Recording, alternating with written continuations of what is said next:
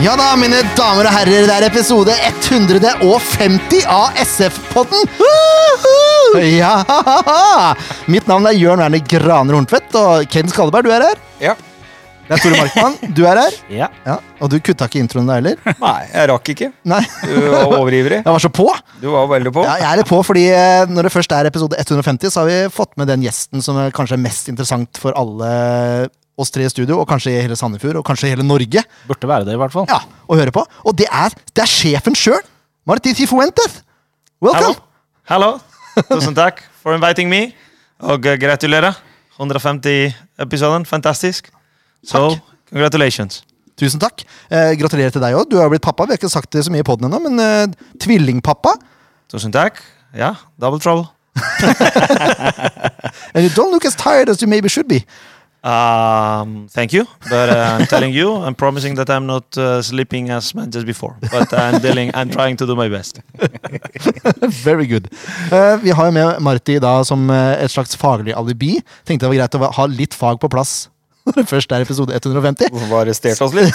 Siden, siden vi har hatt det så sjelden ellers, liksom, så er det greit å Det syns jeg. Um, eh, siden det er 150 episoder vi har spilt inn nå, så tenkte jeg um, Jeg satte meg ned i går, kjørte litt statistikk. Vi har holdt på i fem år, siden 2015, og på den tida har vi hatt ca. 54 500 lyttinger. Blitt så lenge. Totalt, ja. Fem år totalt. Eh, det gir et gjennomsnitt på ca. 360 lyttinger per episode. det, Ken. Ja. Og det er vel sånn røftlig 10% av stadion. Skikkelig ræva. Ja, det, altså, det, det har potensialet til å øke. Kan øke. Eh, så vi anbefaler jo folk til å, anbefale oss til andre som liker fotball. Og Sandefjord fotball spesielt. Spre det litt rundt. Ja, det, det burde gå an. Det er ikke vanskelig å finne oss.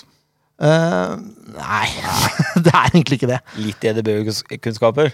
Hvis Lite- du har Lite Google-søk på SF-podden, så tenker jeg mye skjer. Da skjer veldig mye. Ja. Hvis du har ca. en måned med arbeid ledig, 159 timer, så kan du høre hele katalogen vår. For det, er, det har blitt såpass. Det måtte jeg regne ut. Eh, Ja, det har jeg regna ut Ja, Billigere enn Netflix. manuelt, faktisk. Det er billig, ja. Koster ingenting. Nei, det er helt gratis. Koster ti, da. Eh, I den forbindelse med at det er 159 timer med stoff totalt, så tenkte jeg skulle kjøre en quiz på dere. Eh, Og det er. Ja, for vi har fire episoder som er henholdsvis 1 time og 41, 1 time og 42, 1 time og 48 og 1 time og 56. Lange. Ja. Eh, og da lurer jeg på Hvem var gjester i de episodene? Hvis dere tenker nå from the top of your heads. Ja, Sean. Constable er åpenbart en av de. Åpenbart så er Sean Constable en av de. Det er det Er det den på 46, eller? Eh, nei, Det er ikke det? det tror jeg faktisk er uh, den som er nest lengst. Ja, se det. 1,48. Ja. Kan du, kan du presentere deg sjøl kort, og så hadde det gått 20 minutter? Nå skal jeg sjekke, jeg skal sjekke ordentlig her. Nå ble jeg litt us... Jo, det er den nest lengste, ja. Det er med Sean Constable. Da har vi tatt én. Um, Nei, jeg er helt uh... jeg ser jo for meg at når vi hadde begge trenerne på besøk, Det er helt korrekt. episode 100 Det er korrekt. Ja, den var nok lang. Fjerdeplass. Ja. 1,41. Marti and Jordi. Yes. Ja, og så har du egentlig tatt da to, fordi Jordi er på nummer tre. Ja. Okay. Jordi, Jordi speaks a lot. Ja, det, det er korrekt. 1 time og 42 brukte Jordi. Og så har vi da en soleklar leder som Han er ikke klubben lenger. Ronny Holmedal. Det er korrekt. Ja. 1 time 56. Yes. 1 time og 56? Eh, ja. Oi, oi, oi. Eh, det mm, var en time med diskusjoner rundt utviklingsarbeid Ja. eh, først. Og så tror jeg vi snakka om kamper. ja se det.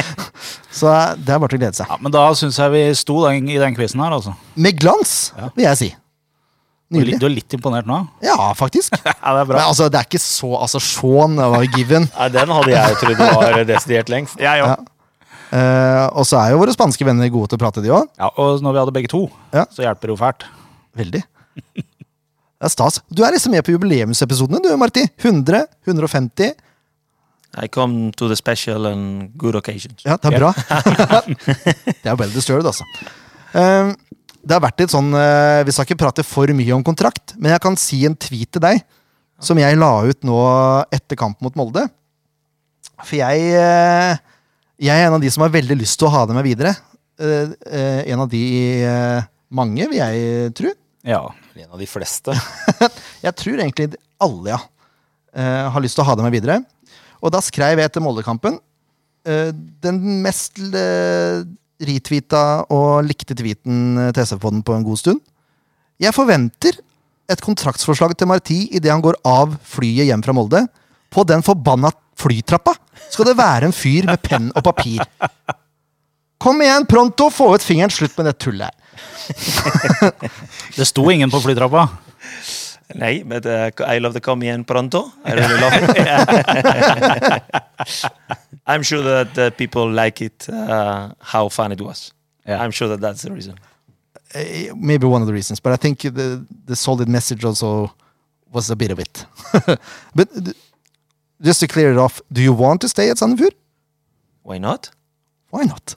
that has been my answer for a while now. Mm. So I always say that that I'm so so happy here. I'm grateful for the opportunity I was uh, given, and we're enjoying our our work and our life here. So I always say the same. Why not? So I'm sure things gonna sort itself out. Hope so. We'll see. From the In club football, side. I think that I don't have the answer. No, no, and, and never. probably as a coach there is uh, not so much that we can decide. It's more about uh, about other people that must take this decision not not us.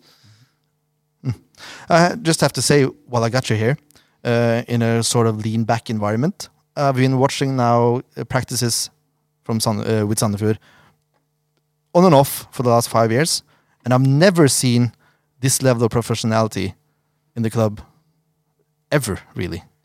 So you brought this. Uh, we had a guy, in Tom Nordli, who brought Sandefjord to the next level ba- way back when, and then you brought Sandefjord to this uh, very high level after you joined.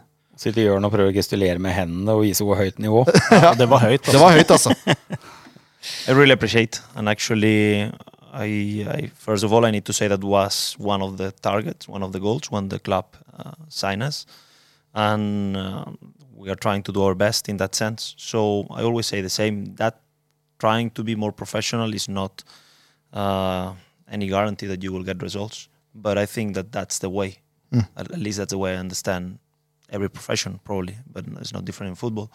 And then second, I need to say that all the credit to my staff because it doesn't matter as a coach if you don't have the right people on your side, you will not succeed because you are going to be alone. Mm. So in that sense, a lot of credit to the staff. They have a lot of competence in different areas, and that's what we try to brought to the to the club. And I think it's not different than what many other clubs does. It's just that football, in some way, everywhere is developing. And when we compare, many times we spoke about how it was 20, 30 years ago when, when I was a kid and, and I was playing.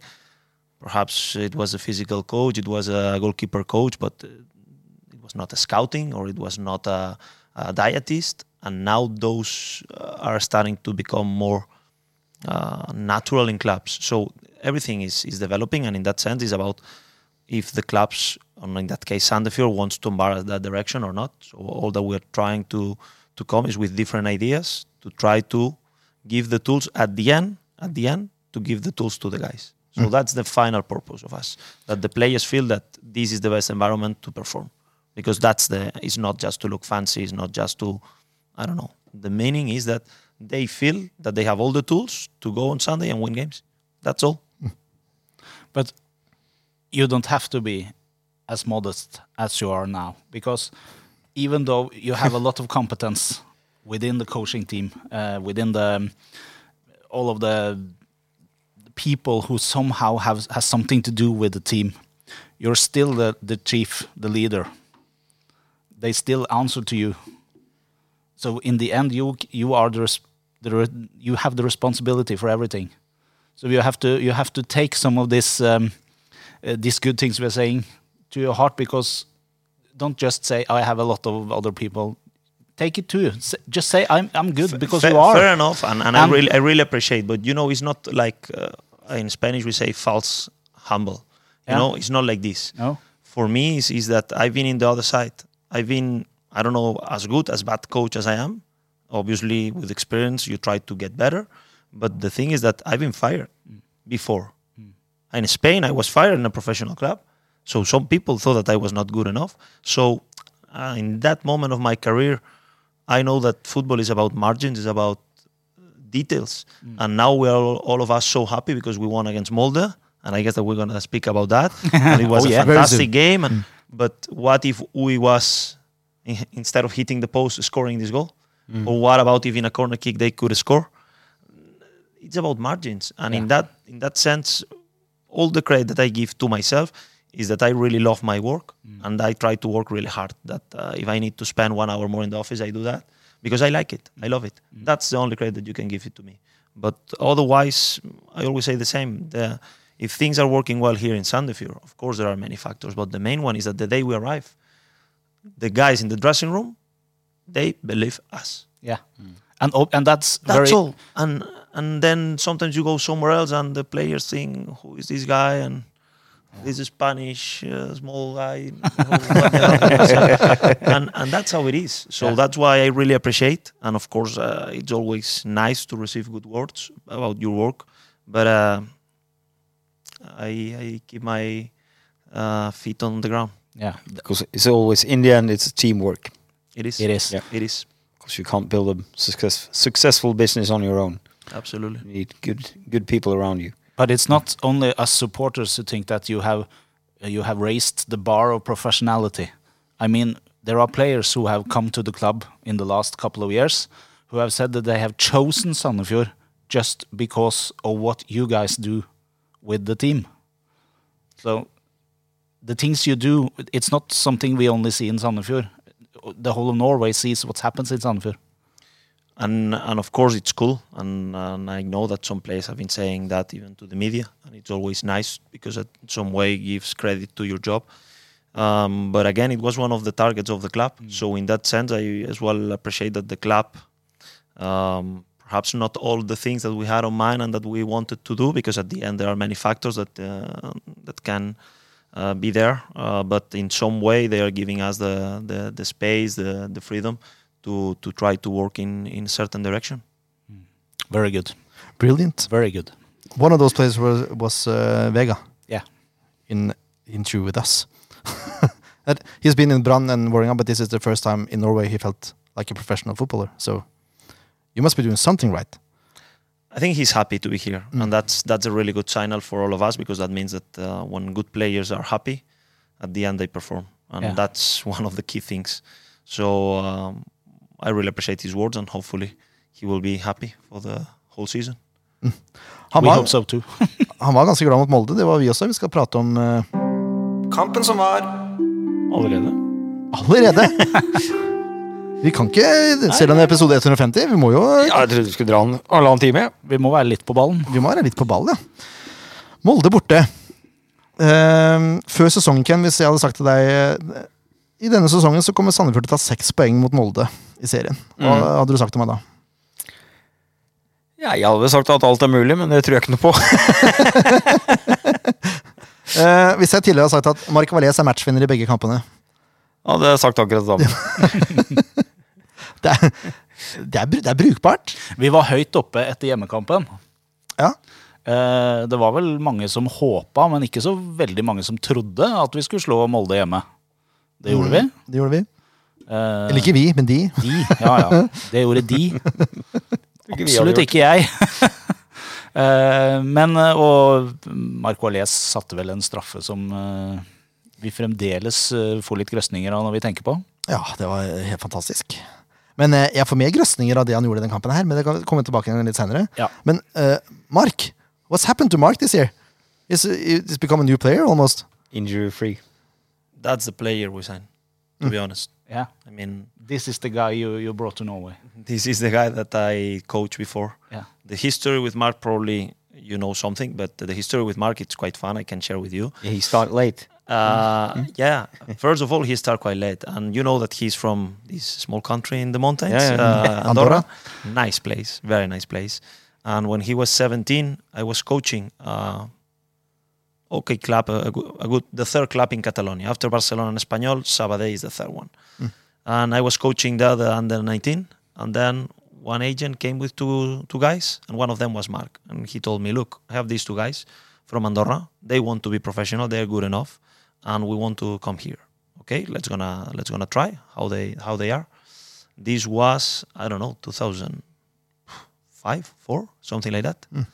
And then Mark stay.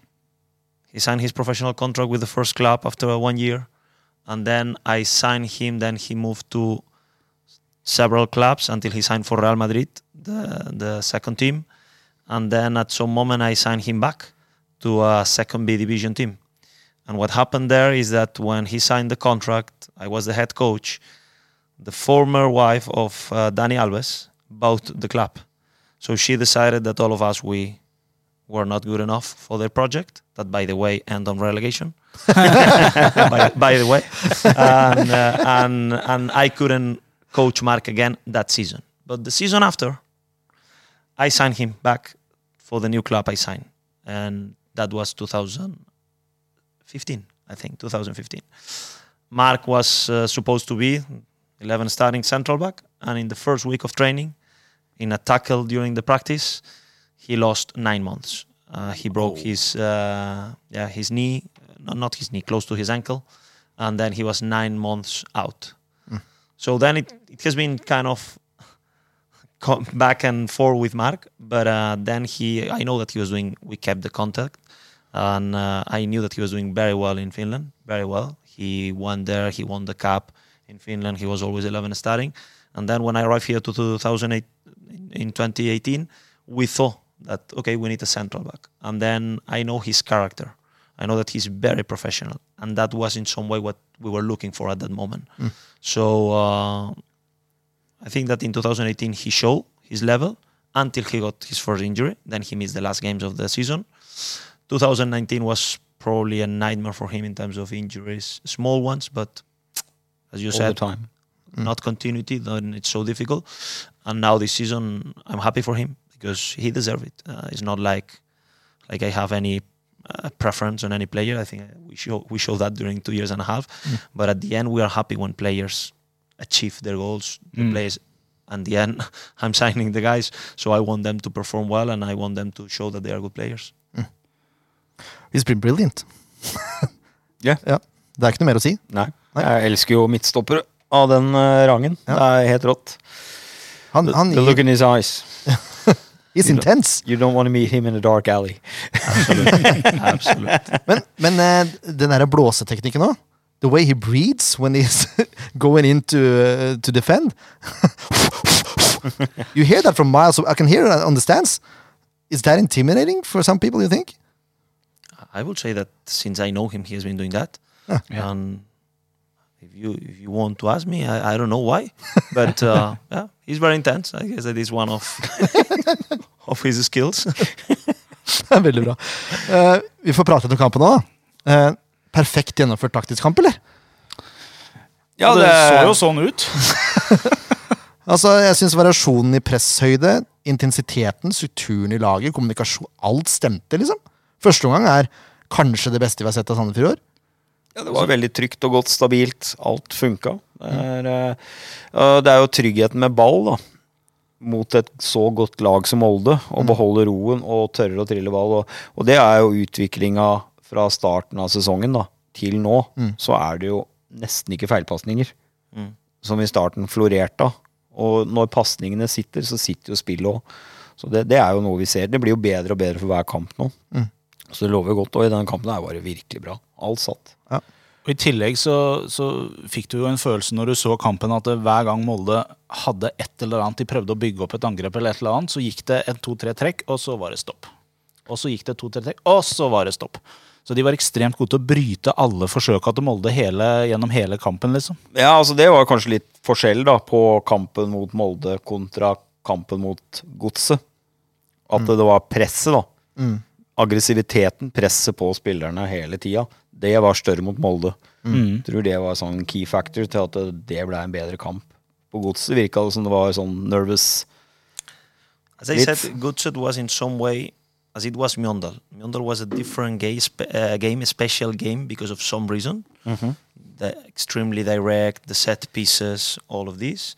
Uh, Gutset was a specific football game because of the extremely high pressure that mm. good set. I mean, good set game model. The way they play is based on the pressing. Mm. Mm. Punkt is slutt. Then f- everything else comes afterwards. Uh, Molde is a different way of playing. They are more based in possession. Of course, they are they can be good on, on, on counter pressing. They can be good when they lose the ball. They will organize and they press. But definitely for us, I think that we were a bit better than other games into what we call this medium block that we defend. Which in Norway there are not many teams that does that. Many teams are either pressing so high or staying very low. You can see a lot of teams, this typical 4-3-3 Norwegian, uh, they go super high, and then if you break lines, now they stay in a 4-5-1, very low, with the striker usually with your balanced midfielder. That's a very common uh, picture in many clubs, in many teams. We defend more in a medium block, and then we try from this medium to go high. So it's different. Our starting point is a bit lower than many other teams, but then what we want to do is be higher. I think for some moments we achieve that. Perhaps in the second half we miss more the ball. We miss, but it, it's difficult. Of course, I always say the same. But when you play against a big team, losing at home, one nil down, nothing to lose. Of course, they will risk. Of course, they will try to put players in between lines in front. Uh, that's how it is. So, uh, but as a part to improve, we need to have more the ball. We need to establish a little bit higher on the pitch on possession, and and then I think that defensively the guys work. Even though we concede some situations because it's almost impossible against a Yeah, like yeah, Molde course. to not concede. I don't remember like big, big, big save of Jacob. I remember one header. Yeah, but I think it was just two targets, two shots on target, Molde in the whole game. Two, three maximum. Three, I think it was. And the thing uh, that I noticed was when you pushed up higher, you won the ball two or three times. And I don't know if it, that was the first half or the second half, but I, I, I just remember the intensity of the pressing when you wanted to press high and you achieved success two or three times. Is that uh, that's not something we've seen that often this season, is it?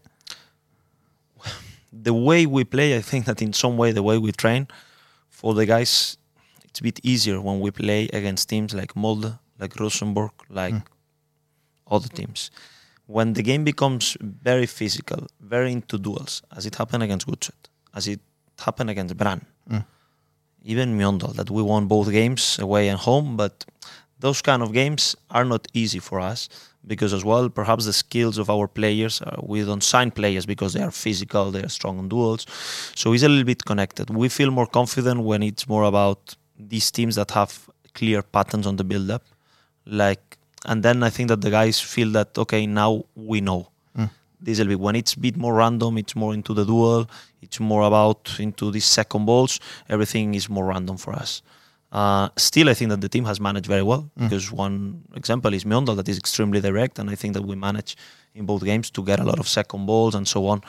But uh, when you play against teams that play so direct, you have two options. Either you press so high to avoid that they can deliver, which then that means you assume a risk on behind, and mm. not only behind on the second ball, and they are good on that because they they play, they train on this way. Or then you stay you don't go to press. So that means that then they will put a lot of balls and then you stay so low. So to find this balance between how many players you use on the pressure to don't empty the second ball area mm. or stay so low. So now probably you have a lot of chances to regain the second ball, but that means that then you don't have the possession. That means that then uh, every second ball that you are not winning, you are in troubles. So this balance is, is not easy but I think that still we are managing. And against teams like Molde, like Rosenborg, that we know more, that they in some way play more than the way we play, then I think that the guys feel confident in terms of pressing, in terms of defending. Jeg kan sitte her hele kvelden, jeg. jeg kan faktisk det. Um, Marty skal ikke sove likevel. I, I have a training tomorrow, guys. I will appreciate you. You're not gonna sleep anyway. Precis, precis. vi kan ta, vi kan ta skåringa, da, som blir matchvinnerskåringa. Ja, ja. Uh, det er et hjørnespark, som jeg liker å si, som tas kort. ja fin variant. Ja, Enrik legger inn. Og det, den bevegelsen til Mark, og ikke minst avslutninga, er jo så deilig. Altså, stupheading, det er blant de fineste. Det slår nesten brassespark for meg, Også. Ja, stupe- Stupheading er deilig. Altså. ja, det er det. Is that uh, corner uh, something you worked on in practice? Yes, we, you, as you know, we work a lot on set pieces. Mm. I remember my first day as a head coach in Sandefjord. We were working the whole week on corner kicks, and then Haugesund won us into corner kicks. so that shows that uh, it doesn't matter how much you work. Sometimes it works, sometimes not. But this is a variant because we are one of the few teams that use two players on the corner kicks. What is the meaning? Why, why we do that? Because then you pull out two players from the box that are defending out two as long as you play short because mm. otherwise many teams they just leave one and then most of teams deliver anyway. Mm. So at the end you are just dragging one attracting one player. If you play short especially on the first one then the next time two gonna be ready because otherwise 2v1 and it happened what it happened against Molde. Mm. That then if you have a good player like Enrique that is very good on crossing without pressure he can deliver so sharp so good and then this uh, this is something I will work on. Sometimes work, sometimes not, but in that case it work. Oh, det var så deilig. It was brilliant. Uh, we have a saying in Norway, it's hjertet utenfor drakta. And that's uh, the kind of the intensity that Mark uh, plays with. Uh, yeah, he has his heart outside the, the, the, the jersey. jersey. Yeah. altså, Directly translated. ja, det er rett og slett. Altså, de gir alt, da. Yeah, Alt for klubben. Yeah. Shana. Mhm. But I think that we have players like Mark, of course, is one of his skills. But when you check the intensity of Emil when Mm. he's playing, uh, Lars Grodu, the intensity, how he plays, I think that we have uh, Rufo, even though he's a technical player, I think was is one of these guys that as well is Intense. is intense and uh, in, in his way. So in that Sievert is a player that works a lot. George Gibson, I don't know. When I think about the guys, I think that Everyone's working. every, everyone is working really, really hard on the pitch. Uh, we have even discussed this a little bit uh, when we go through the, the the match that was played, and um, when we come to the to the points, we often say that this guy he, he he was a little bit we didn't see him too much, but still he did a lot during the match, and that is something that a lot of players. Uh, they come into this group from time to time that they are not uh, directly involved in the goal or something like that, but they do a lot of work during the match, uh, even though. In between spaces. Mm. Yeah. Precis. Ja. Eh, det, ble, det er jo 1-0 til pause, da. Ja. Og Sandefjord har egentlig god kontroll, syns jeg. Eh, hva hva forventa du av Molde i andre omgang, Marti? Forventa du veldig høyt press med en gang, eller? We could expect that uh, again when a big club is uh, losing at home, they will risk. So in the halftime, we were talking about uh, don't be what we call winning mentality. Don't be happy with uh, one 0 because they're gonna have chances, and we already experienced to lead one 0 and suddenly if they scored, the dynamic, the mentality, everything, the energy in the game change. So we're talking about trying to guys. We're drawing. Imagine that we're drawing and we need to score a new goal, and then it's different. But um, we were talking about having some some tools in case they were pressing higher, and we expect that they could make some subs because you could feel some kind of I'm saying frustration, but they were not happy with the performance in the first half through the players uh, themselves, and they were like uh, not having finding the flow. Is that uh, frustrating for you? For it's kind of frustrating for me when I watch interview with the opponents after the game. It's always they that played bad. It's never Sandefjord that played good. It's gonna take years before they change. Ja, jeg merker jeg blir skikkelig irritert på det. you know, I respect a lot everyone's opinion, so I'm not the one that is saying what they should say. For me, one of the things of the funny things of football, and for me, it's it's part of the fair play as well, is to give credit to the opponent when they win. You shake hands, and okay, you're better today, Mm. and there is nothing wrong into that. If someone thinks just because Sandefjord is a small club, and okay, we win just because the other one was bad, I honestly think that they are exposing themselves uh, in some way. Yeah. Uh, but I respect, and I'm saying that more because I think that professional people in football is not thinking that much into that. But like when you hear on media, uh, I mean, okay, we are not, uh, we are not Arsenal, we are not Liverpool, we are not Barcelona, of course. But I mean, we won seven games, so I'm I'm not sure if we were lucky in all the games. Seven, okay, you can be lucky one day, fine. And I said that against Goodset away, we were lucky to win. We play a good game, but we were lucky because in terms of stats, in terms of number of finishes, they were better than us. And I told Henrik, you, today I'm the lucky one, and you should feel not happy because you lose a game that you deserve to win. and there is nothing wrong into into say that. At the same time, I don't know. I, I think that uh, when Bran won against us or when Christiansen won against us, shake hands. You work better than us. It's football. Next week we have a new game.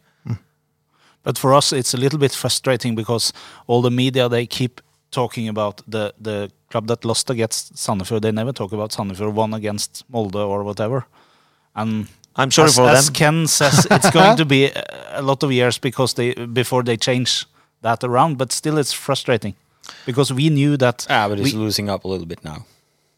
It Ja. is. Ja, vi får se, da. it is. You get You know- some- you get more and more credit in media now because people are starting to open their eyes and see that Sonnenfield, especially other coaches, other players in other teams, they like Mulder's coach now. You should respect Sonnenfield and the way they play. He and he he loves the way you play. Loves the way Sonnenfield plays. It's the bold and un-Norwegian way to play football, and so And I will also say that the commentaries on television, they have started to give Sandefjord a lot of credit during matches. But you know the Swedish guy in Eurosport. I think I know. If, if you if you if you if you keep your place in uh, in tipping liga, Eliteserien. elite city, Yeah. you know what he he we got a bet with him. okay, He needs to tattoo a whale, that's gonna be so fun. Yeah, yeah, it's going to be so fun. So you know and what you're very have close to to his tattoo. Okay, okay, that's gonna be interesting. Yes. Å, jeg håper så det skjer. And, uh, så deilig. Probably suggest that Marty will tattoo him after a few drinks. Yeah. Det er det Well, beste ideen jeg har hørt. we have 23 points step by step. Yeah. We have a lot of points still to to make, and we'll see. But uh, regarding this, I can really understand. Yeah. I can really understand this feeling. And for me, I always say the same. Uh, that happened in, in every country. I've been, and, and Spain is the same, and in Netherlands was the same, and in England is the same.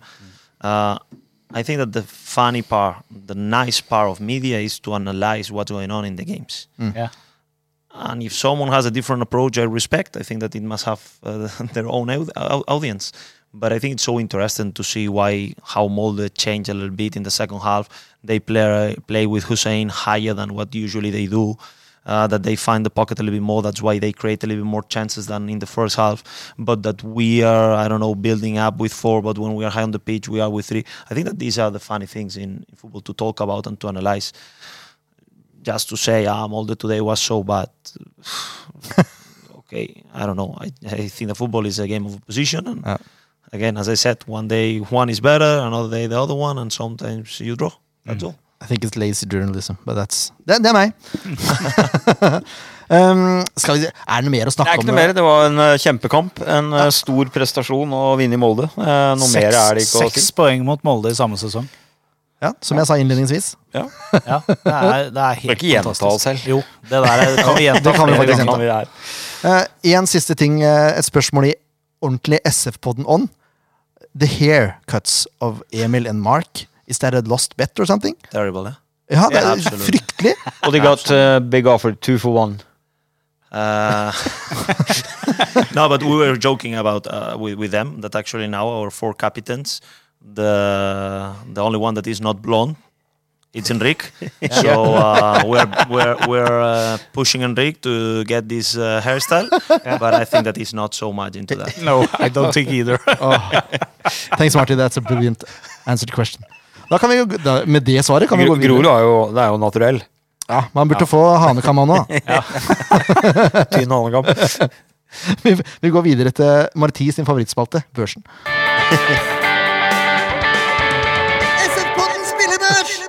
Det er en av jinglene du gjør den som faktisk går an. Ja, den, den er faktisk mulig å høre på uten å bli irritert. Uten å bli Um, flau. Jo, flau blir man. Nei, ikke av den. Nei, kanskje ikke. Nei.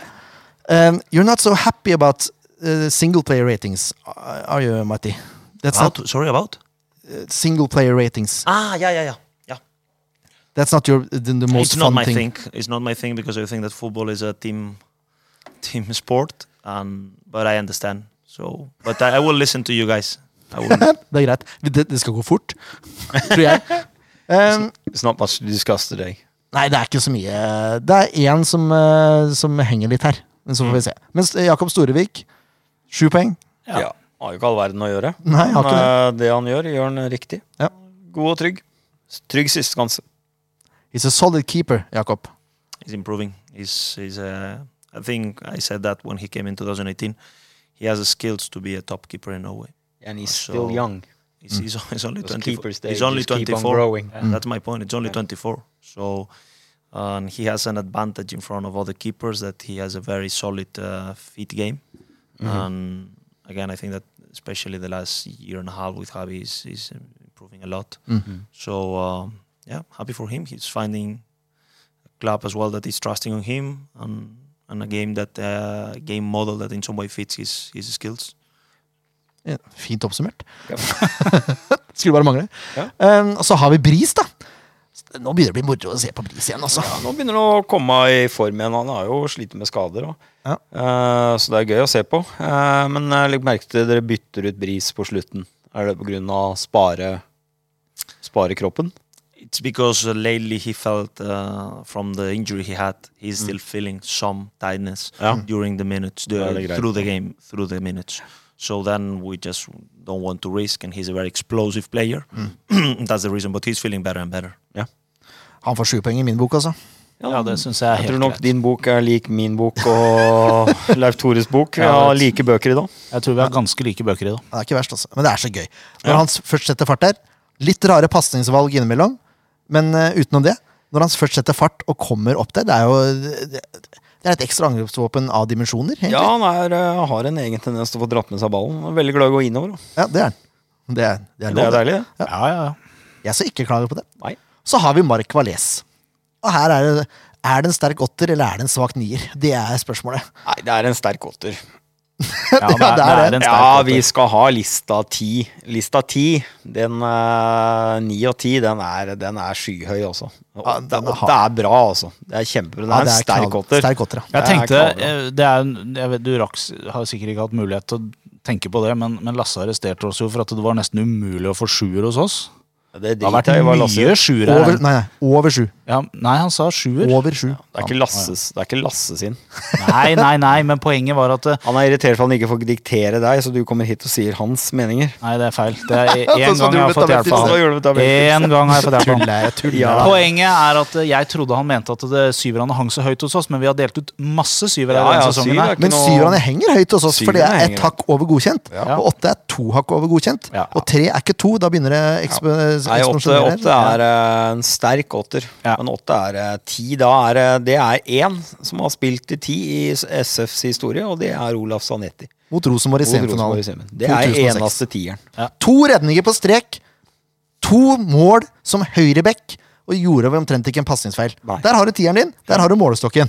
Og hvis du sier at Mark Valais spilte din tier, ja, vær så god. Ha den meninga, men det var ikke like god prestasjon som det Olav Sanetti hadde mot Rosenborg. Ergo knallgod. må lista være høyere. Ja. Så en sterk, Sterk åtter. Ja. Banens beste, da. Ja, uten tvil. Uten tvil. Og i tillegg til, til en fantastisk scoring nok en gang, nydelig stupheading, så syns jeg jo han er en fantastisk bra kaptein også. Han har så kontroll på hele laget fra stoppeposisjonen sin. Er herlig. Han er Pådrar seg- med stor K. Ja. Han pådrar seg et unødvendig gult kort. Ja. Ja, men det, det har han lovt i den kampen. ja, det er helt greit. Det er tenning. Det er Det er litt, litt trekk i min bok. Ja, ja. Ha tenning. Pluss i min. Ja. Men Sander Moen Foss ja, for en spiller. Jeg syns han fortjener åtteren. han. Ja, det er jeg helt enig i. Han er ekstremt god, Den er svakere, selvfølgelig, men uh... men han er på åtter. Jeg syns det. Han gjør ikke noe feil. Nei, Han ingenting. Er, uh... Han er kjapp, han er lynkjapp, og han har et, et, ut, et utrolig overblikk over alt som skjer, altså. Ja. samme som keepere. Ja. Stoppere må bli litt gamle først, men han er også veldig ung. Eh, Veldig tidlig utvikla stopper. Mm. Som jeg tror eh, Sandefjord kommer til å få mye nytte av forover. Han er en ekstremt spennende spiller. For han er litt sånn old school eh, i tackles og Han er en sånn old school stopper. Som banker til og, og safe, da. Istedenfor å gamble på å spille ballen når han ikke har noen løsning. Så Spill den ut. Ja. Ferdig. Jimmy Carriger-versjonen, som jeg Ja. liker å kalle det. Få det, bort, få det, få det bort. Ja. Men uh, he's developed him to be one of the best central uh, defenders that Sandefjord har. He has the skills. Um, he has two things that for me are really, really, really important or valuable as a central back. The first one is the pace. He's really fast, and that's always a plus, super plus as a central back. and second, he's so brave on the ball. Yeah. He uses both legs. He goes forward. He drives. He's confident. Um, then the day that he improved his focus during the whole game, sometimes I think that he knows he has his skills, and usually that happens as well with the quick players that play, especially on defense positions. They relax a bit. Breeze, Martin, they are players that they are so fast. So sometimes they tend to think, "Ah, I will fix it. If something happens, I will fix it. If they improve this, not only Sandermon, but uh, Breeze, Martin Chris Rigler, uh, they have they have huge potential. Jeg tror eh, Moen Foss kan bli en gullgrue for Sandefjord hvis han utvikler seg og får ut potensialet sitt. Da blir Sandefjords dyreste spillerkjøp noen gang. Ja, det tror jeg. Spillesalg, unnskyld. Spillesalg. Ja. Skjønte hva du mente. Ja. Eh, Svak hotter, er vi enige om det? Ja. Ja. Eh, Martin Kreuzrigler, seks poeng. Godkjent. Ja, han gjør ikke noe dårlig kamp. Han er trygg og safe. Eh, Jeg tror han sliter litt endra med venstrebekken, men han klarer seg fint. Det er ikke noe å utsette på han. There's a bit different mentality for Martin after he uh, changed his position to left back kontra left central midfielder. Nei, eh, eh, left eh, central back, I mean. Mm, mm. Um, It's a big change. It is, but uh, one of the reasons why we signed him uh, is that he can he can play in both. Mm. And actually, in Austria, I will say that the last, if we check the last 30 games, I think he played even more as a full, a left fullback than as a central back. Hmm. If you ask me, I think that he's agree as well that he feels a little bit more confident as a central back, but he's doing a great job as a left fullback. He has amazing left foot. He has the pace. So uh, I think that, of course, when he has been playing, I think it was seven, eight games in a row as a central back, then we need to give him uh, this time. But I think he's doing a really good job. Yeah, yeah. Mm. And Really good job. We're not gonna argue with you anyway. Men det er godkjent er enige Ja, det er, jeg er helt enig. Det er godkjent. Lars Markmannerud spiller sin beste kamp denne sesongen. Ja, det var gøy å se. Han ja, Helt enormt. Ja. Helt enormt. Også en ung gutt, eh, lokal gutt, som virkelig tar steg og ja, forbedrer seg stadig. Det jeg egentlig det han merket mest, eh, Ken, det var posisjoneringa hans. Ja, er Og så mange ganger han klarte å bryte ballen. ja, han ligger veldig riktig hele veien. Ja, ekstremt gøy. Eh, fra Storebergan. Ordentlig Sandefjord-gutt. Det, er- det er gøy. Og det, det er så viktig å få fram spillere det som er viktig for å få fram spillere fra egen by òg, da. Ikke bare sånn at alle skal spille på SF, men det gir en, en, eh, en lyst da, blant unge spillere rundt om i byen. At de ser at det går an å lykkes å komme til SF. Det er en gulrot å kunne bli så god at en dag kunne spille på SF. Så det gjør at du øker sikkert veldig mange, ikke alle, men veldig mange. Får lyst til å trene mer, får lyst til å jobbe hardere for å nå et mål som å bli en god fotballspiller. Og da ser de at det er mulig. Og det, er så, også, eh, det skal jo Martia all honnør for, at du gir tillit da, til så mange unge spillere du har gjort i år. Da Men Johansen kommer inn eh, Det var det ikke mange som trodde. Nei. It's it's fun. It's fun to have these young guys around. And for me, what we need to value here is the process because uh, it seems that now Lars, and, and I understand that, uh, that he's coming from nowhere, but he has been in the club. He has been training for us for a while. Ja. And now it's this process. It's a little bit like now when we're speaking about Sander Moon, he's a little bit older than than Largemark, but uh, he was already in 2018. In 2019, Sander Moon was so patient. He played really good level the games he played in Obos, but the competition was so high he didn't play probably as much as he deserved. And now this season, he's showing up and he's showing that he's a very good player at this level. In the case of Lars Mark, it's a little bit the same. He was training, he was developing, and for me, it's not about trying to pick players to say, okay, look, we have seven local players, or just to say, oh, how good are the guys from the academy. It's about making sure that when they step in, they're ready to succeed. Ja. Because otherwise, it's unfair to let them play. Ah, you go against Haugesund in a in a Sunday evening, uh, rainy day, and then ah, good luck. It's not about that. It's that they feel that they are ready. Yeah. And, and Confidence. he's showing that Lars is, is a joker for us. He's playing as a fullback, he's doing well. He's playing as a central back, he's doing well. He's playing as a six, he's doing well. And this is a this is a very good uh, thing for a coach, of course, and for him as well. But do you agree that this was his best, best match this season? It was a very good game. It was a very good game. I'm. Yep. it's difficult for me to say it was the best because uh, different games he has been doing different things, but definitely he was at high level. it's pr kanskje that game This game was the one that he's uh, been At han står Altså He's been most noticed, maybe. For the untrained Fair eye. Da sier vi det sånn. Men sju poeng? Ja, jeg er jo kjempefan av Lars Markmanner, han er firemeningen min, må vite. Ja, Ja. Jeg måtte bare si det. Det er, lo- det er, er, det ikke snikskryting. nå er det langt uti. Nå er det ikke tjukkeslekta, nå er det tynneslekta. ja, men alt er jo tynn slekt her. Ja, alt. Hei! Hei, hei. Uh, Enrik, sterk sjuer. Ja, nå skal jeg for første gang i år eh, være enig med dere der. Eh, Nå, jeg en, eh, nå er Henrik tilbake. Ah, deilig, Nå altså. er Henrik der han skal være. Ja. Eneste jeg savner fra Henrik nå, Skudd. skudd. Mm. Og han skyter så hardt. Så jeg mener, så fort Henrik har mulighet fra 20 meter og inn, bang. Jeg er helt enig. Det samme, Skyter han fem ganger, så scorer han garantert på én. det samme vil irriterer meg at ikke Can you explain to me why Willy is chipping his crosses and not crossing his crosses? Do you understand what I'm saying? yeah, absolutely. That annoys me a lot. Trust me, I do. I do. Um, I don't have the answer. Nei, det er greit. I don't have the answer. I think that both Give of them up. have fantastic left foot. Yeah. Fantastic. Um, in the case of Willie, I think that he's more about as well. He knows that he's good, and sometimes he's, I don't know if it's low shoulders, but Yeah. you know, A little too confident.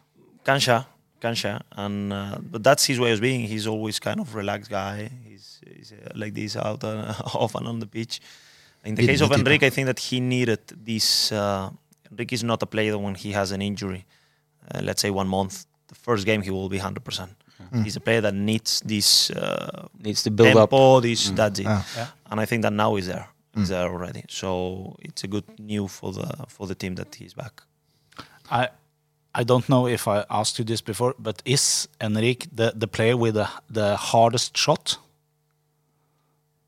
He shoots extremely hard. Yeah, yeah, he can he can hit the ball extremely hard.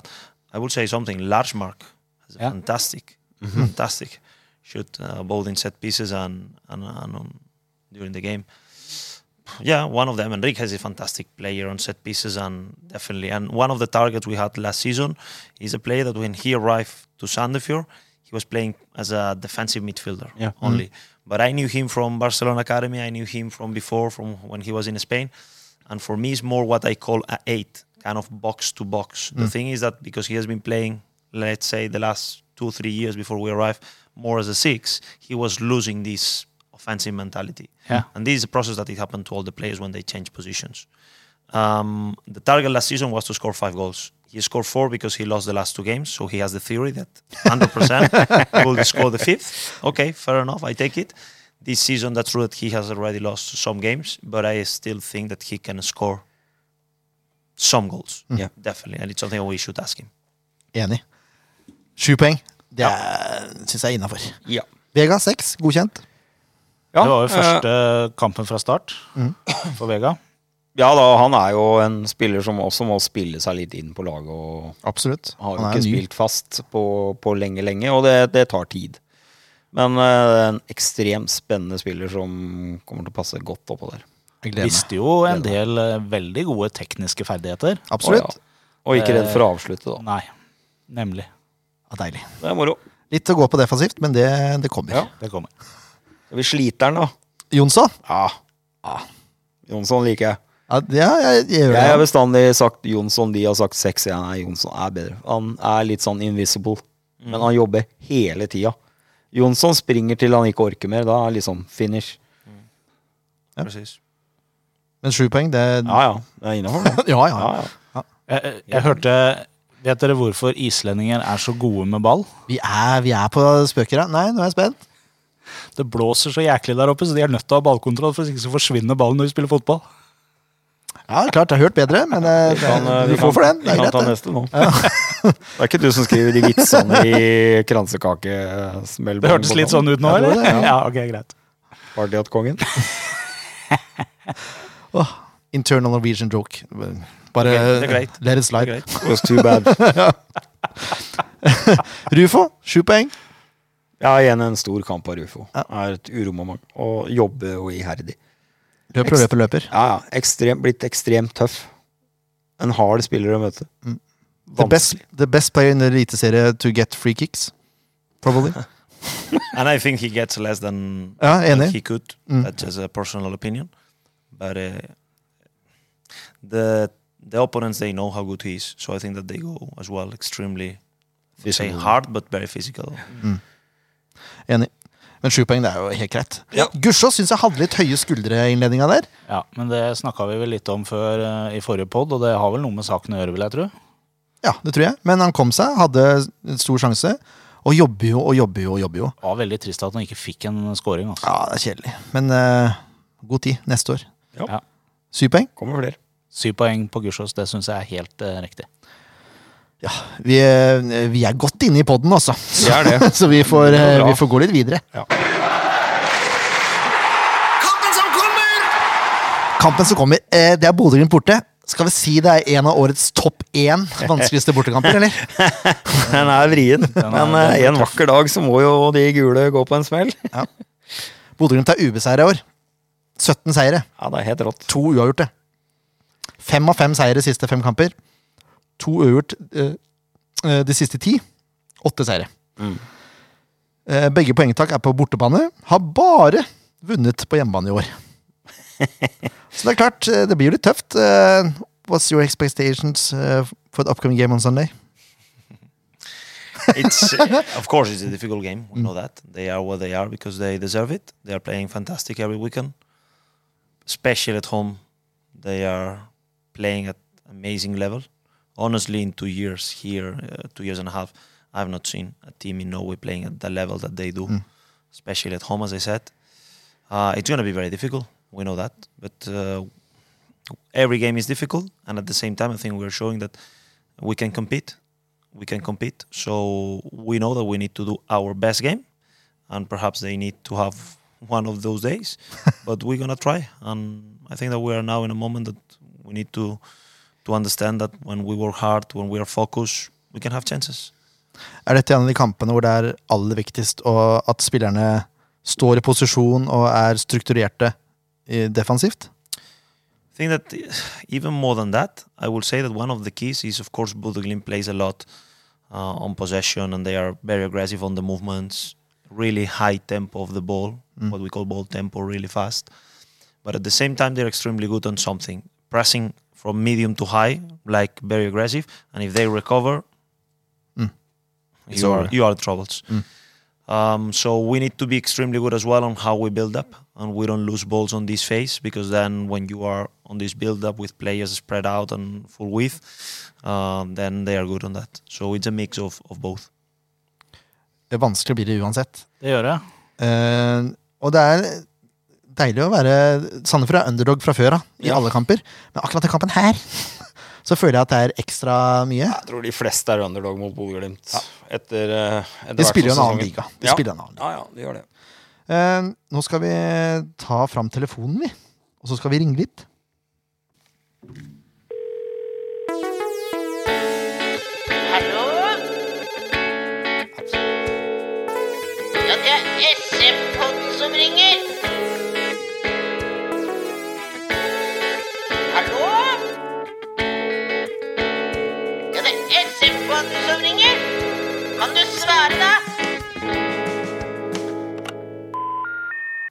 Og der, kjære lyttere, var Norges mest harrige jingle.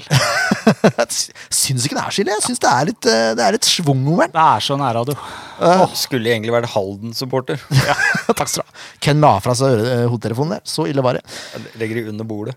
Nå har vi ringt opp eh, en Glimt-supporter som solgte seg veldig godt inn ved å si at SF-podden er topp to fotballpodkaster i Norge. Oi. Bare slått av en eh, Brann-podkast. Så det er klart, eh, Anders Carlsen, jeg regner med at vi nå topper eh, tabellen der. Nå som du er gjest her. det, de, de, de dreit seg ganske greit ut sjøl her eh, i sist podkasten til, til de eh, nede i Bergen, der de kaller oss for eh, jævla nordlendinger eller et eller annet. Og da, da falt jeg litt i kurs, dessverre. For du kan jo ikke komme og kalle oss for jævla nordlendinger.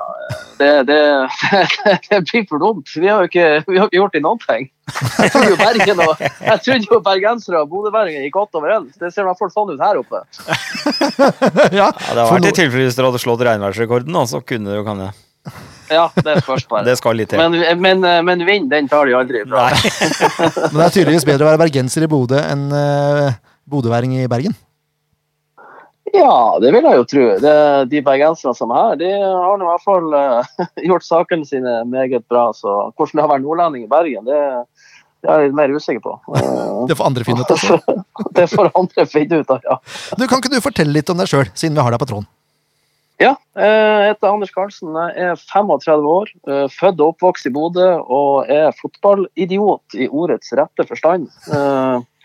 Eh, Og det med idiot så mener jeg at jeg var så heldig at jeg valgte å heie på Newcastle og Bodø-Glimt. Og klart når du sliter litt med angst, så er kanskje det feiler lagene å, å heie på. Så det vi driver og opplever i år, det er jo helt ko-ko. Det er jo faen meg medisin. Jeg tror aldri jeg har følt meg så frisk før. Så det er jo helt utrolig. Kasta alle resepter. Ja, alt, alt resepter går rett i søpla. Men eh, Det spørs bare om, vi, om ikke vi må finne frem igjen neste, neste sesong. ja, Slutt å se på Newcastle, det er første råd jeg gir deg. Konsentrer deg Ja, om det, Bodø-Glimt. det er bare sorgen. Men eh, du har jo stått fram og er litt opptatt av at folk skal tørre å, å stå fram med angst og litt sånn psykiske eh, depresjoner, kan vi kalle det det? Ja. Jeg har jo selv, jeg har jo spilt fotball sjøl fra jeg var yngre. Jeg har jo spilt faktisk både i Bodø-Glimt og i Stabæk og et lite halvår, eh, halvår i Brann. Men det som stoppa karrieren min, var jo eh, egentlig angst og, og depresjon. da. Eh, Men på, det tida, på, det, på den tida der, det er jo nå en 15-16 år siden, så var det jo veldig sånn tabu å prate om. Um, det var vel kanskje ikke det man hadde lyst til å fortelle i garderoben, at man gikk rundt og var redd for å dø. og ja, alle de her For det finnes jo veldig mange måter å ha angst på, selvfølgelig. Men uh, jeg tror jo det at hadde jeg tatt tak i det tidligere, så kanskje hadde jeg òg kunnet levd av fotball den dag i dag. Det er jo håper jeg, noe man aldri får lov til å vite. Men, uh, men uh, jeg råder og anbefaler alle som, som kjenner på den følelsen at det er ingenting å, å skjemmes over. Det er bedre å prate med noen og ta tak i det så, så fort som mulig. For det, det finnes hjelp. Veldig god hjelp. Ja, og det Mhm. viktigste er vel egentlig å få, å få det ut der, og, og tørre å prate om det, sånn som du sier. Og det er jo profesjonell hjelp å få også, vil jeg tro. Ja, ja, ja. Og jeg tror ikke jeg er den eneste som har spilt fotball som har slitt med, med angst og, og depresjon. Jeg, jeg har sjøl ikke slitt med depresjoner, men det går nå som høvelig hånd i hånd. det der. Jeg, jeg, jeg bruker å si jeg er for dum til å skjønne hvordan man skal ha depresjoner, for jeg går nå bare og flirer stort sett hele tida uansett. Men eh, det er klart, det er jo et alvorlig tema, og det er, jeg vil bare at folk skal vite at det er ingenting å skjemmes over å, å prate om, for det er veldig mange som sliter med det. Jeg er egentlig veldig glad for at du, du nevnte det i Vi hadde en liten greie på Twitter hvor vi snakka litt sammen. Eh, Ja. Jeg var veldig glad at det var en av de tinga som du faktisk skulle prate om, for da var jeg veldig sikker på at det var deg vi skulle prate med i dag. Ja, ja ikke sant?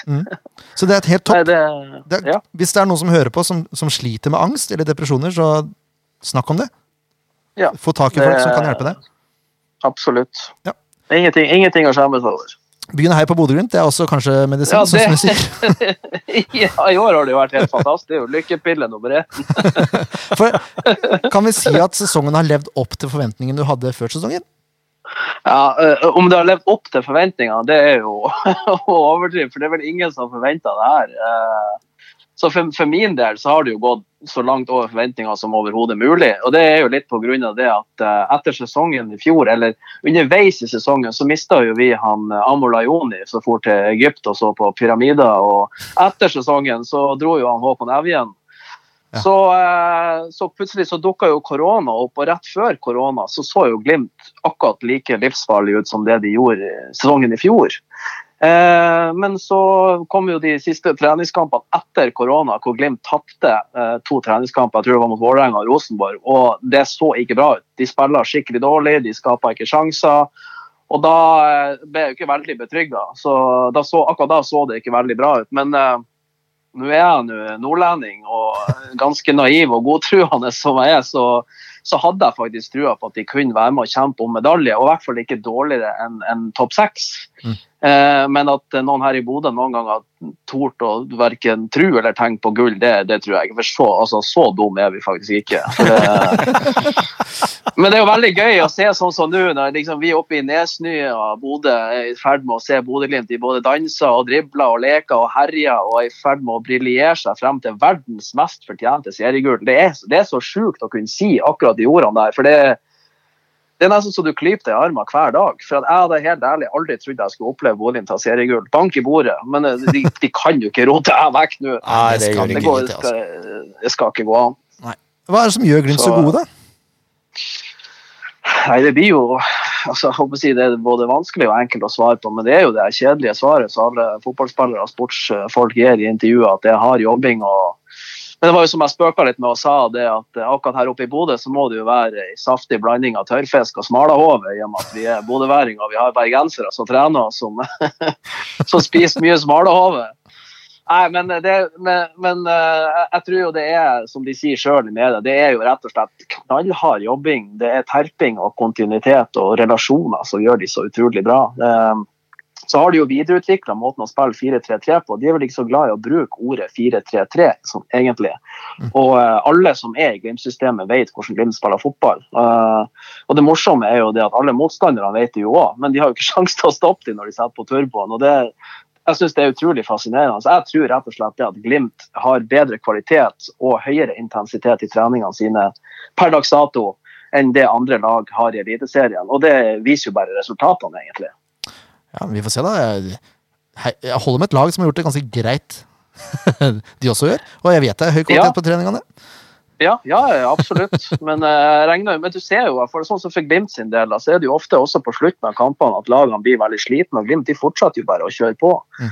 Så, eh, men klart, det er jo litt Jeg skal ikke starte en diskusjon om, om hvem som er best trent og hvem som har best intensitet, men eh, jeg tenker jo resultatene de, de snakker jo for seg sjøl. Men eh, jeg skal ta det litt seinere, men jeg har jo noen gode ord om, om Sandefjord også. Ja, det er hyggelig.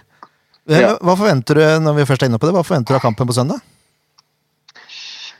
Nei, jeg er opplært at man skal oppføre seg når man er på besøk. Men eh, jeg, kan, jeg, kan jo ikke, jeg kan jo ikke forvente annet enn en seier. Vi er jo vi er blitt ganske høye og mørke her oppe, så når vi skulle møte Milan, så trodde vi det var bare å reise ned og lage pasta ut av hele, hele San Siro.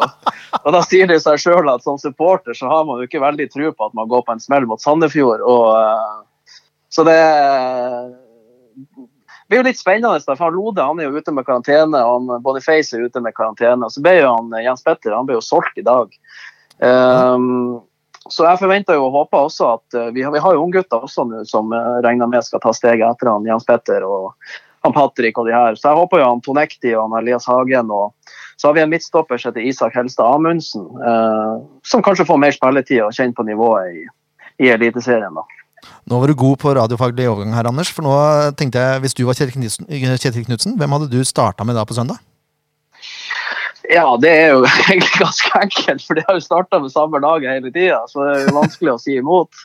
Men eh, jeg hadde jo gått for han Haiken i mål, som jeg syns har vært helt fantastisk i det siste. For vi, selv vi eh, mest hardbarka Glimt-supportere har jo vært skeptiske til keepersituasjonen etter han Friedrich forsvant. Eh, Nå er jo ikke han eh, verdens beste keeper, han heller, men han var utrolig viktig for, for samholdet i laget. En kaptein med stor K. Men uh, jeg syns Haiken har tatt opp uh, hansken, så han må stå i mål. Så har vi han Samsted på høyreback. Uh, Høybråten, som dere kjenner til, i Midtforsvaret. Ja, GIF, ja. og Bre Brede Mo på sida av han, og Bjørkan på venstreback. Vanlig midtbane med Patrick Berg, Sondre Fet og Ulrik Saltnes. Så blir det Sinkernagel på høyre ving, Kasper Junker, og så tror jeg det blir Ola Solbakken som starter på, på eh, venstrekant. Fint, fint. Nå sitter Marti Trofentes og lytter intenst der på laguttaket ditt. Ja. Ja. Det er ikke tull. Det er Jeg tror så, ja, jeg tror ikke han får så mye ut av det, for det tror jeg han vet allerede. ja, kanskje. Kan hende. Det håper jeg. Hvis du skal tippe resultatet, du som er høy og mørk og i godt humør Ja, nå er vi jo igjen der at man burde oppføre seg når man er på besøk. Jeg hadde skrevet ned at jeg tror det blir 6-1 til Glimt, men, men, her kommer et stort men. Nå er han Jens Petter solgt. Så jeg nedjusterer det til 4-1. Oi! Eh, fordi at eh, ja, men Det som gjør at Glimt har skåra så mye mål, er at de har to kanter som produserer helt sinnssykt med målpoeng, som kan gjøre det uventa. De fleste lag har én sånn spiller. Vi har to, én på hver side.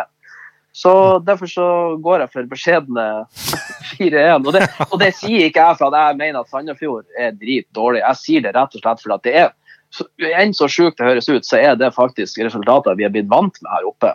Det, ja, det, det er bare helt utrolig. Det er nesten ikke til å tro at jeg sitter og sier det jeg sier. Nei, det er greit. 4-1 høres mye bedre ut enn 6-1, men det er klart, hvis du snur det, så blir det jo mye bedre. Ja, for dere, ja. ja. Nei, det her var helt supert, eh, Anders. Eh, takk så mye for at du tok deg tid til å prate med oss.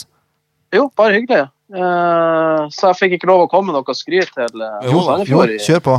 det er alltid tid til det. Ja, ja, ja. Jeg, som jeg, sier, jeg, er jo, jeg er jo veldig fan av han, Sif Ventes, og som jeg sa på Twitter, at den dagen han Kjetil Knutsen finner ut at han skal ta seg en sydentur og begynne å tjene de store pengene, så er han hjertelig velkommen til Bodø. For jeg tror han kan være med å videreutvikle det som Bodø-Glimt holder på med. For han står jo for, for, si, for mye av det samme som Glimt gjør. Eh, og resultatene viser jo på en måte at Sandefjord er jo tro mot stilen sin. De har vel bare to uavgjort, så vidt jeg vet, i år. Eh, Og så har dere vel Jeg tror det er to uavgjort. ja, sikkert. No. Ja, og så no, tror jeg og så har dere og så, I really appreciate the works under at your work, Anders, uh, but I hope Yeah. that you're completely wrong on you on the final result. Of course, of course I you hope are. so. I hope so. Uh, yeah, but uh, uh, OK, jeg tar det på norsk. Men uh, ja. det, så jeg skulle Ok, si at dere, har ok. dere, dere har sluppet inn 20, eh, 29 mål. Odd på tredjeplass. De har sluppet inn 28. Så hvis dere får tak i en målfarlig hestkuk på topp, så kunne det jo hende at dere faktisk har kjempa om medalje i år. Ja, For dere er, ja, men dere er jo gøy å se på. Men det litt, jeg har jo hørt mye på dere, og dere mangler jo en hestkuk, som dere sier sjøl. En som er litt sånn det, For det går jo ikke an å ha noe imot Sandefjord. Altså, Dere spiller bra fotball, dere er morsomme å se på, og så er dere snille. Men dere trenger en sånn jævel på topp som kan bare hamre inn mål. Så skal du se, plutselig er Sandefjord der oppe og kjemper om medaljer. Det høres jo sjukt ut å si det, men dere har jo spilt fantastisk bra fotball. Men dere har jo det. ja, vi har det. Helt Det enig. er som sagt ett innsluppet mål mer enn Odd som ligger på, på tredjeplass. Så hvis dere har skåra mer mål, så har dere vært helt der oppe. Ja. Så er mektig, mektig imponert. Det var, det var veldig hyggelig avslutningsord, syns jeg. Ja, jeg syns òg. jeg satser på at jeg blir fast i Glimt-supporter når dere skal møte Glimt. For vi blir sikkert å møtes igjen neste år òg. Det håper jeg. Ja, det, vet Og så få klæsja på den der jævla blåhvalen på den her svensken. Altså, det, det skal bli så deilig. Jeg prøvde meg på et veddemål med han før sesongen, for han mente at Haugesund skulle ta bronse. Og da sa jeg du, jeg kan garantere deg at Klint kommer over. Er du, er du, er du villig til å gå med på, på et veddemål med tatovering? Nei, da var han livredd. Da torde han ikke. For nå har han lova bort så mye at uh, ja, det skjønner jeg. det torde han ikke. Kanskje til neste år, da. Vi får se. Kanskje neste år. Jeg håper han lærer av feilene sine. Han tar jo stort sett feil. Så hvis han skal fortsatt love bort det her, så ser det ut som en biker innen fem år. Ja, det er det. Det Fort det. Han er jo skalla i tillegg, så det mangler bare vesten. Herlig. Du får ha en fin kveld videre, Anders. I like måte, og lykke til på søndag. Dere er hjertelig velkommen. Jo, takk. Takk, takk. Lykke til til deg også.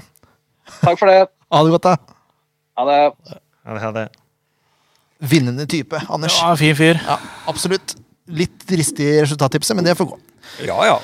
Det er vi jo. Nå har, da har vi vel nok om Bodø-Glimt, Ja. syns jeg. Skal vi ta ut et lag, da? Vi skal ta ut et lag. Uh, if you want to win, this is the team you should pick on Sunday. I'm all eyes, all ears, all everything. ja. You don't need to have eyes because this board is incomplete. ja, det holder med ears. jeg, tror vi, jeg, tror vi aldri, jeg tror vi har treffet én gang på laguttaket ditt. Oi. Bare én gang i løpet av de åra du har vært der. Okay. Så Okay. Vi bomma bare med én nå sist. ja, vi bom, Men vi bomma med én, da. Ja, ja, Ja. Men vi er jo ganske nærme, da. Vi er Det var det som er poenget. Du er veldig unpredictable, altså. I'm a strange coach. Men keeperplassen er vel grei. Der treffer vi. ja, der treffer vi. Storevik står. Storevik står. Eh, og backrekka Ser ingen grunn til å endre en backrekke som har hatt to nuller på rad. Nei, den funka veldig bra, det. Så det blir jo Magomo og Mark Valais og Moen Foss. Og, Kreutz. Kreuzrigler. Ja. Sandefjord holdt nullen tre kamper på rad, vi vet det. Men uh, samme backrekke har vært to kamper på rad. Stemmer ikke det? That's right. En gang til, sorry. I was thinking about what uh, the 11 and the- Grorud spilte jo Ja, mot ja. Godset. Det, the four, uh, Same four backs. Yeah, yeah, but yeah. no, because against Mjøndalen it was Lars Grorud instead of Mon. Nettopp. So it's three games in a row without conceding clean sheets. Yeah. But the first one was was with Lars, not Mon, and the last two the same four at the back. Yeah. Yes. Yes. Bra. Okay. Da er jeg med. Da har vi kontroll. Jeg er våken. Men vi Eh, kjører de fire. vi kjører de fire, ja. Uh, på midten der, da. Jeg, jeg, jeg syns egentlig at ikke man bør gjøre så mye endringer. Nei, det blir Molde-kampen, Markmannrud og Valles, det. Ja. Ja. Helt enig. Så Markmannrud gjorde en så god figur at han Han fortjener å spille, ja. Ja, ja. Helt enig. Jeg syns egentlig vi skal ta ut nøyaktig det samme laget. Jeg syns ikke vi skal gjøre noen endringer, jeg. Nei, Jeg ser ikke noen store Nei, vi kan Er være det noe, er det noe gule kort nå? Is there any suspensions? No? All available. Det er jo fantastisk. Helt fantastisk. Jeg skal bare ta ut det samme laget, da. Ja. Jeg synes det. Ja. Da er det altså Markmann og Valles på, på midten, og så er det Vega, Jonsson og Rufo. Rufo i tieren. Og Gussiås. Det eneste, eneste byttet jeg eh, vurderer, er eh, Kurtovic mot Vega. Mm. Og har Rufo på kant og William inn i tieren. Nei. Jo, jo, det er det eneste jeg Jo. vurderer, jo. Ja, men det er feil. det, det er greit. Fasiten sitter her. Men da blir, det, da blir det samme lag som mot Molde, da. Ja. Så vet dere det. Ja. Ja, det var vårt lag, ikke Marti sitt. Bare så det er sjelden vi har diskutert så lite om et laguttak. Ja, Det er grusomt, egentlig. Det er nesten kjedelig. Ja. Ja, men det er greit, det. Når du Ja, vinner mot Molde, så kan du vinne mot Bodø-Glimt. Da, da gjenstår det én ting, da, Ken. Og vet du hva det er? Det er type resultat, da vel. Ja. Ja. Do you wanna have a, a match result? Seier. That's all that I want. Å, deilig. Det holder, det. Det holder. Hva tenker du, Ken?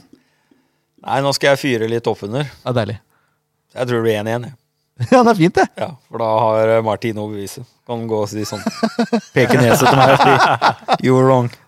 Hasta la vista. Hvem scorer, da? Hæ? Hvem scorer, da? Eh, jeg kan ikke være så gæren å si at eh, Men jeg tror faktisk vår gode venn Mark Valles er så i støt om Det såpass? han uh, scorer igjen, da. På En ny corner eller noe sånt. Ja, han er så aggressiv om dagen, så ja. Ja, det er ikke umulig. Tar en wildcard. Leif Tore. Det, det er jo liksom En del av meg har lyst til å tippe litt reelt, men en annen del har bare lyst til å si at vi kommer til å vinne 2-1. Så det er det du går for, selvfølgelig? Ja, jeg går jo for det. 2-1 Ja. til Sandefjord. Jeg syns jo ikke vi spilte en så elendig kamp når Bodø-Glimt var her. Vi tapte Nei, nei, den nei, kampen, men vi bød dem virkelig på match, altså. Én ting skal sies etter den kampen her. Jens Petter Hauge er kanskje solgt til Milan, men Bris Vemagoma hadde Jens Petter Hauge i lomma hele kampen. Så det er, spiller ingen rolle, egentlig. Vi Spiller vinner ingen rolle. 2-1, Eh, og det er uh, Storvik som uh, får én. Hva sier du nå? Nei, unnskyld. Gussiås mener jeg. Jeg var bare helt i andre enden. Gussiås får en. Eh, og så tror jeg, tror jeg at uh, Valles får en nettkjenning. Det er fint. Du begynte nå å lese laget Ja. oppå ned, du. Jeg tenkte, jeg tenkte den veien der, men det er jo ja, selvfølgelig Gussiås. Du har hatt mye varianter på hvordan man skal lese opp et lag, men Det, den, det, er- den det er feil. Det er feil.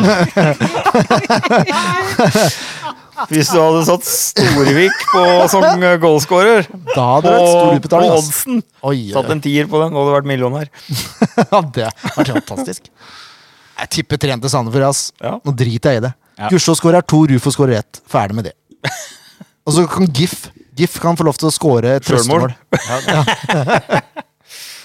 Nei, det var, det var faktisk episode 150 det av, av SV-podden. Åssen syns vi det her var, karer? Nei, det er neste jubileum er 200, så da må vi holde ut noen år til. da. Ja. Sant det? Eh, Marti, thanks a lot for coming. Tusen takk for the invitation and congratulations again Ja, takk. for what you do. Not only today on these 150 episodes, but there is a lot that you do, guys, for the club, and, and we and guys we appreciate a lot. So keep on going. Takk. Det var motivasjon! Nå er vi klare for 350 nye! Nei, takk, takk for nå. Eh, Corner eh, Sportsbar, det er, eller Funbar heter det kanskje. Det er vel et sted å se kampen. Eller eh, Kurbanhagen, eller James. Ja. Altså, eller hjemme. Det er, Masse valgmuligheter. bare se! Ja. Og så kan dere lytte til oss da som oppvarming. Det er jo helt, helt perfekt. Fantastisk. Nei, her er det for 150 nye. Takk for nå! Ha det!